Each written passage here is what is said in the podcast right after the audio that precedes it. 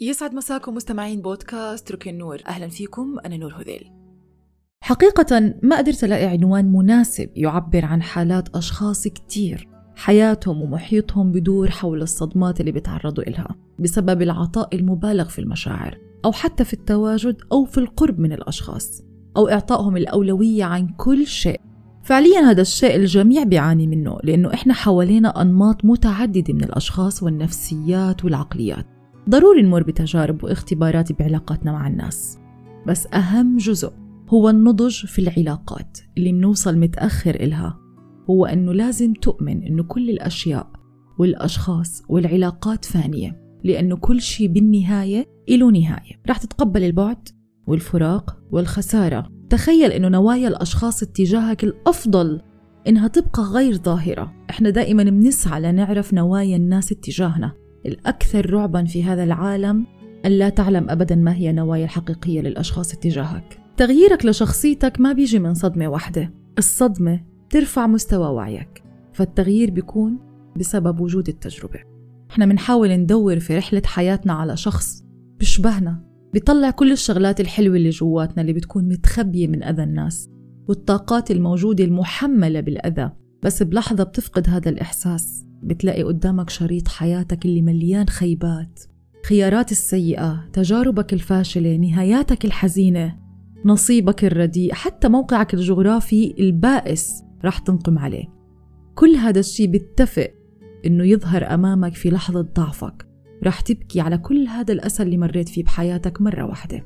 بس هو هذا الشيء صار لك عشان يقويك حتى تشفق على قلبك من كل هذا النحيب والأذى. علشان هيك لا تسمح لحدا إنه يخليك في مرمى الاتهامات. ولا تستمر في علاقة أنت مطالب فيها دائما بتبرير أفعالك وكلماتك لأنك رح تخسر فيها نفسك. الأرواح مذاهب ولكل مذهب أحكام مهما اختلفت الآراء. ليه بنتعرض لصدمات بحياتنا ومنحس إنه الأشخاص مهما قدمنا إلهم ما منلاقي نفس قيمة العطاء. وقتها أنت بتعرف إنك أنت لازم تكون غير متاح للجميع. وما بصير إنك تمزق نفسك علشان ترضي حدا.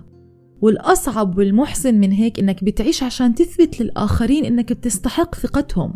وإنك متوفر عشانهم. اختاروا علاقاتكم بعناية.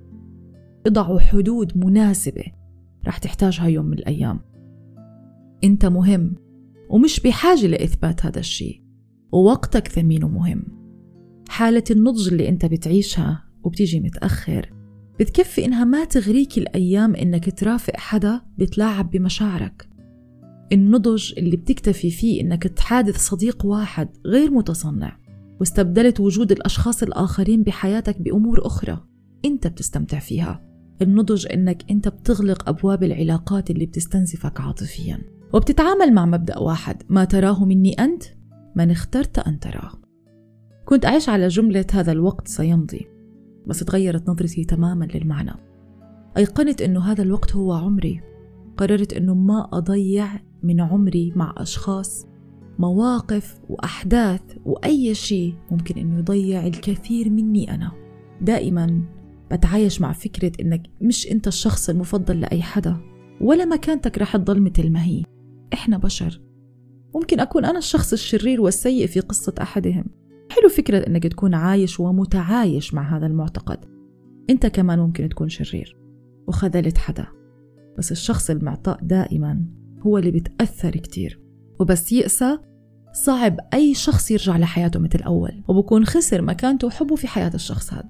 وبلش يبني حوالين نفسه أسوار حماية علشان ما يتعرض لقسوة. هو هش وضعيف لحد ما يسترجع توازنه من جديد. من النضج إنه إحنا بندرك إنه تراجعنا مش هزيمة. هذا انتصار. لأنه إحنا أبعدنا عن أرض ما بتناسب بذور روحنا. ما بذلنا أنفسنا لأشخاص ما بيستحقوا. أشخاص بتكون ضايع بينهم. لما تحفظ وقتك وجهدك وذاتك من الاستنزاف هاي أعظم دروس أنت بتتعلمها بحياتك. والأعظم منه إنك ما تعطي فرصة تانية لأي شخص ما بيستحق. على فكرة الكل عارف شو بيعمل وما حدا بيتعامل بغباء. هو قاصد يتعامل معك هيك. قاصد يتجاهلك قاصد يتركك قاصد يعمل نفسه مش شايفك وقاصد شغلات كتير. خلوا الناس على راحتها وانتوا كونوا على راحتكم. وبس أشوفك رح أضحك بوجهك بس ما رح ترجع مثل قبل.